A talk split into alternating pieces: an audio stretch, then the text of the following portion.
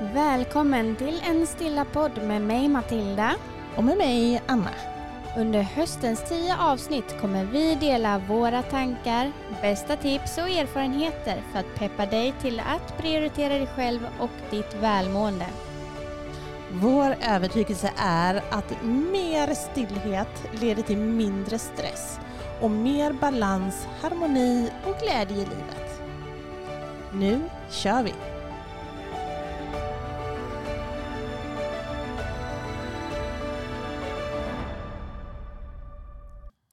Hej och varmt välkommen till det här poddavsnittet. Hej! Hej! Hoppas att eh, du mår bra där hemma och att allt eh, är fint. Vi, eh, eller vad tror du om att eh, börja med några djupa andetag, bara få landa lite här och nu? Mm, det låter jätteskönt. Mm. Okej, vi andas in genom näsan, fyller bröstkorgen och magen med luft och syre. Och suckar ut luften genom munnen. Och ett till djupt andetag in genom näsan. Fyller bröstkorgen och magen. Och suckar ut luften. Och ett sista. Vi tar ett djupt andetag in genom näsan. Låter överkroppen expandera.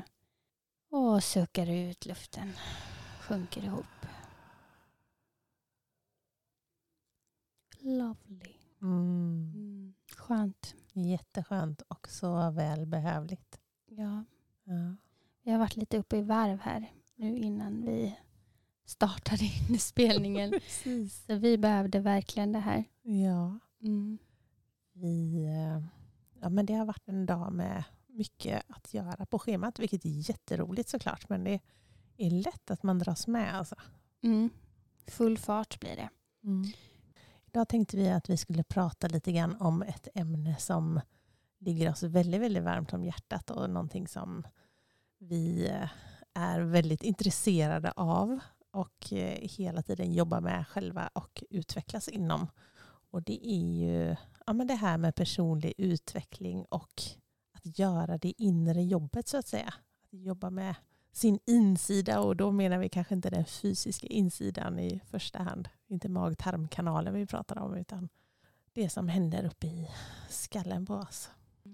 Så att det är vad vi tänker fokusera lite grann extra på det här avsnittet. Men som alltid när vi diskuterar det här ämnet så kan det, det kan flyta ut till lite vad som helst. Så vi får se vart vi landar någonstans. Ja. Men grunden i det är att vi tror att genom att vara balanserad inombords så påverkar det även vårt fysiska mående. Och att grunden i alltihopa det handlar om att ha en vänlig och kärleksfull inställning till sig själv. Vad har du för inställning till dig själv? Du går ut stenhård. Vad jag har för inställning till mig själv. Att tack och lov så får jag ju ändå säga att eh, min inställning till mig själv har blivit betydligt vänligare med åren. Men det är också någonting jag har jobbat väldigt, väldigt mycket med. Jag ser ofta nu när jag hamnar i negativa tankespiraler om mig själv. När jag helt plötsligt tänker rätt taskiga tankar om mig själv. Men det kan ta ett tag innan jag upptäcker det också. Men jag skulle nog säga att jag, kan, att jag identifierar det på ett helt annat sätt än vad jag har gjort tidigare i livet. Ja, men I synnerhet kanske liksom om det är någonting som har blivit fel. Om det är någonting som inte blir så där himla bra. Att det är någonting jag liksom kanske inte har, en situation som jag kanske inte har hanterat så där väldigt bra eller så. Så kan jag vara mycket mer förlåtande mot mig själv idag än vad jag har kunnat innan. Jag dömer mig själv inte lika hårt. Men eh, ja, vägen är lång och jag är inte på något sätt framme. Men eh, jag skulle nog säga att rent generellt så är jag betydligt vänligare och kärleksfullare mot mig själv än vad jag har varit tidigare. Vad är det som har hjälpt dig till att komma dit idag?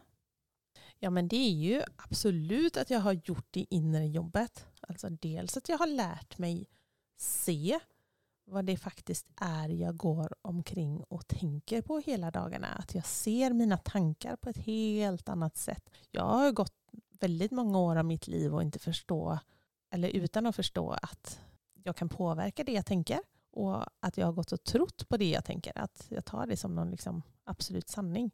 Jag har inte liksom reflekterat över mina egna tankar och hur, det, hur de då skapar olika former av känslor i min kropp. Det har jag inte fattat. Så det är ju hela det arbetet som, som jag har gjort ja, de senaste 20 åren kanske av mitt liv. Men kanske ännu mer intensivt nu de senaste åren när jag har haft förmånen att ha en samtalskontakt som har hjälpt mig eh, jättemycket när det kommer till de här bitarna. Ja, för det är kanske en väg att gå är att ha kontakt med eh, någon samtalsterapeut eller psykolog mm. eller sådär som vägleder och hjälper en. Det handlar om tankar och självkritiska tankar. Mm. Ja, det är väldigt lätt att fastna i sina egna tankeloppar. Ja, och någon som också förklarar hur saker och ting hänger ihop. Hur ser du på det själv då? Det går ju upp och ner.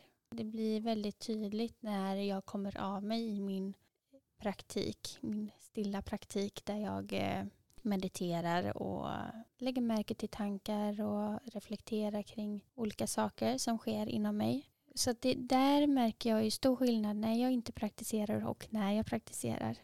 Jag eh, blir direkt mycket hårdare mot mig själv och tänker inte lika snälla tankar när jag eh, inte är så mycket i stillhet. Som när, eh, när jag är mycket i min praktik och är mer i mig själv då blir jag automatiskt snällare mot mig själv också. Det blir väldigt, väldigt tydligt. Och där märker jag ju hur viktigt det är att eh, verkligen göra sin praktik. Mm. Verkligen sitta och meditera och, och lyssna till sig själv. Mm. Bli medveten om vad det är som händer i skallen på en. Ja, vilka känslor är det jag går runt med? Vilka tankar är det jag går runt med? Vad är det jag kanske oroar mig för? Vad är det jag ligger och ältar? Eller, ja, det kan ju vara allt möjligt.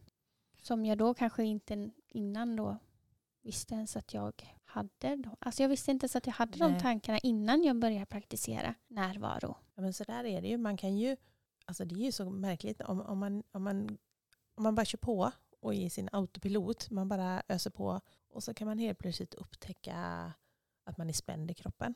Mm. Sådär, oh, nej, ah, jag har lite ont där. Och vad konstigt det känns. Ah, jag har ju inte tränat, det borde inte vara någon träningsvecka. Ah, det här känns inte gött liksom. Och så sätter man sig ner och så inser man att men jag, vad tusan, jag känner mig ju alldeles ledsen. Varför, varför, varför är jag ledsen? Det, och så inser man att man helt omedvetet har haft tankar på saker som gör en väldigt eh, ledsen.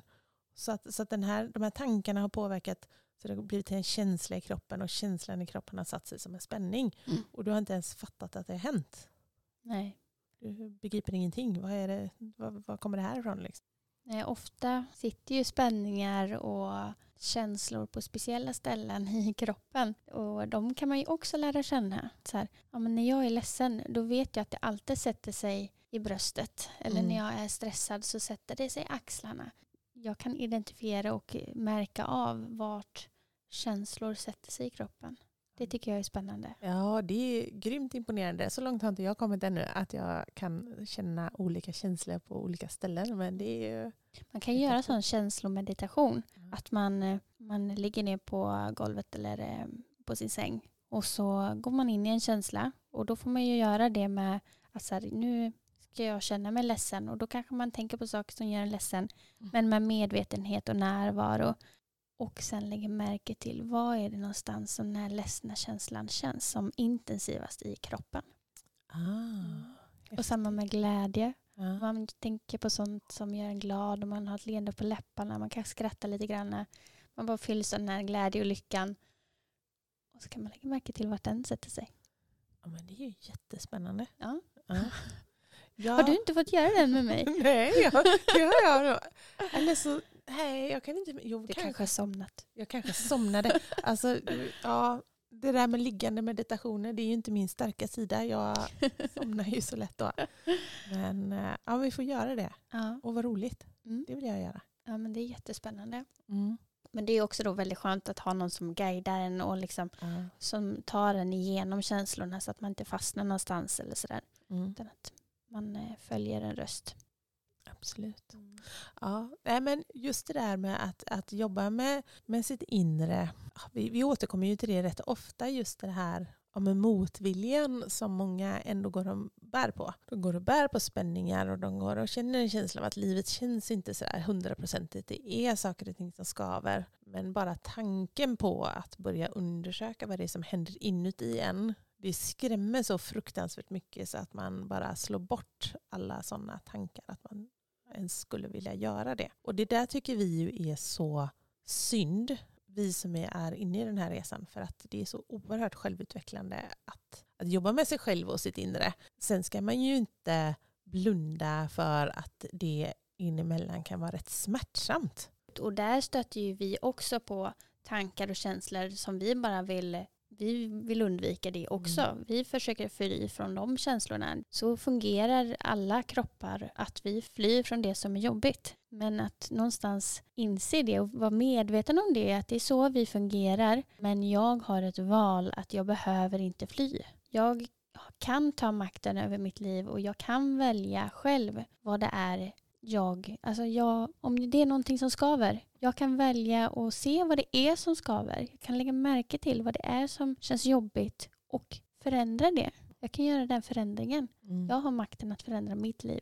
Ja, men det där är ju så fruktansvärt coolt. Är man bara beredd på att det är lite jobbigt på vägen så har man ju så otroligt mycket att vinna. Och ofta när man väl inser att jag, eller jag tar makten, jag sätter mig ner med den här jobbiga känslan, jag känner känslan, då kommer den också att gå över fortare. Mm. För annars så kommer det fortsätta skava. Om du inte tar tag i det, då kommer det fortsätta skava. Det kommer fortsätta kännas jobbigt. Ditt liv kommer inte känna hundraprocentigt förrän du tar tag i det. Nej. Nej men precis, jag läste en bok så sent som i eh, går faktiskt. Där författaren beskrev det här med känslor att ja, men just våra känslor, de rent alltså, fysiologiskt så är vi i känslan ganska kort tid egentligen. Om vi blir rädda så är den känslan rätt kortvarig. Om vi blir arga så är den känslan egentligen rätt kortvarig. Anledning, en, nej stopp. Anledningen? Anledningen att vi upplever att vi fastnar i känslorna det är ju för att vi tänker på det här som gör oss då arga gång på gång på gång på gång.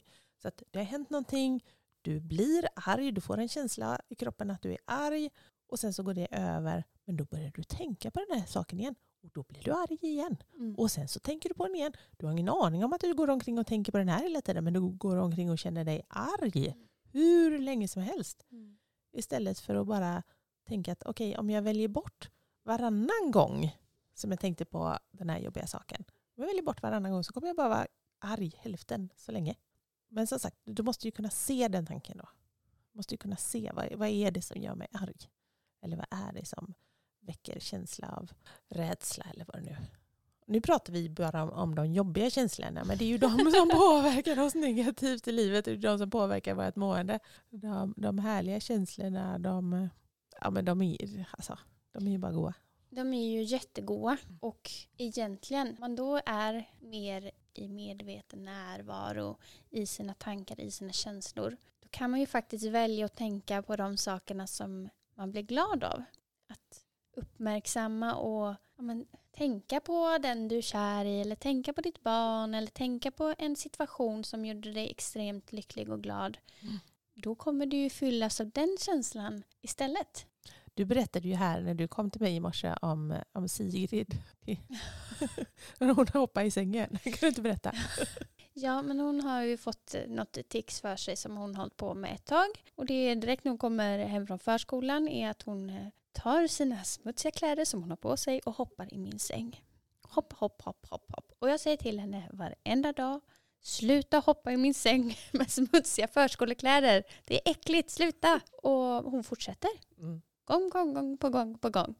Och efter några gånger så inser jag ju att åh, vad mycket negativitet det blir varje gång vi kommer innanför dörren och hon ska hoppa i min säng och jag bara blir trött på att vara mamma, blir trött på mitt barn och jag blir trött på hela åh, så här och så bara det då speglar av sig på hela eftermiddagen och kvällen. Mm. Och det- var ju inget, det var inte så jag ville ha det. Nej. Och då bestämde jag mig för istället att fokusera på det som är positivt. Jag har ett barn, jag, hon är frisk, hon kan hoppa. alltså allting, det beror ju på på vilket sätt man ser det. Och genast, så, alltså direkt samma dag jag Mm. byter inställning så blir ju livet väldigt mycket lättare och roligare. Och vi kan liksom, nu har jag ju tjatat på henne så ofta så att nu kan vi göra en lite rolig grej av det. Mm. Alltså här, men Sigrid, nu var vi här igen. Och då kan hon skratta med lite och så ja, just det, så Just var det. ju mamma. Jag skulle ju klä av med de här äckliga kläderna först. Och ja, nej, men det är så tydligt. Mm. Och det är ju i de här äh, egentligen ganska simpla, lätta vardagssituationerna Ja, som vi kan göra alltså lätta förändringar, snabba Mm. förändringar. Och det ändå kan påverka vårt mående så otroligt mycket. Mm. Både oss och, och hela vår familj. Mm. Precis. Det, det var så tydligt. Ja, men om vi då landar i att våra tankar påverkar vårt mående så är det ju inte så svårt att förstå att våra tankar om oss själva påverkar vårt mående väldigt mycket.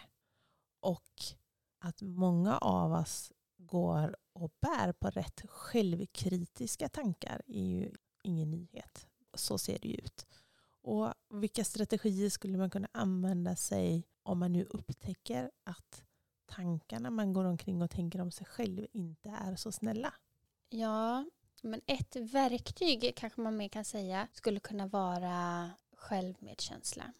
Att möta sig själv med lite mer värme, acceptans och omtanke. För det är ju väldigt, väldigt ofta som vi hamnar kanske i svåra motiga situationer där vi, där vi eh, känner oss kanske misslyckade eller ja, men, vi har väldigt självkritiska tankar. Det händer nog ja, flera gånger om dagen utan Mm. att vi ens märker det egentligen. Mm. Men när vi, när vi väl märker det så tror jag att både värme, alltså ja, möta sig själv med värme, acceptans, Mm. Och kärlek. och kärlek, omtanke. Ja, men att man tänker på...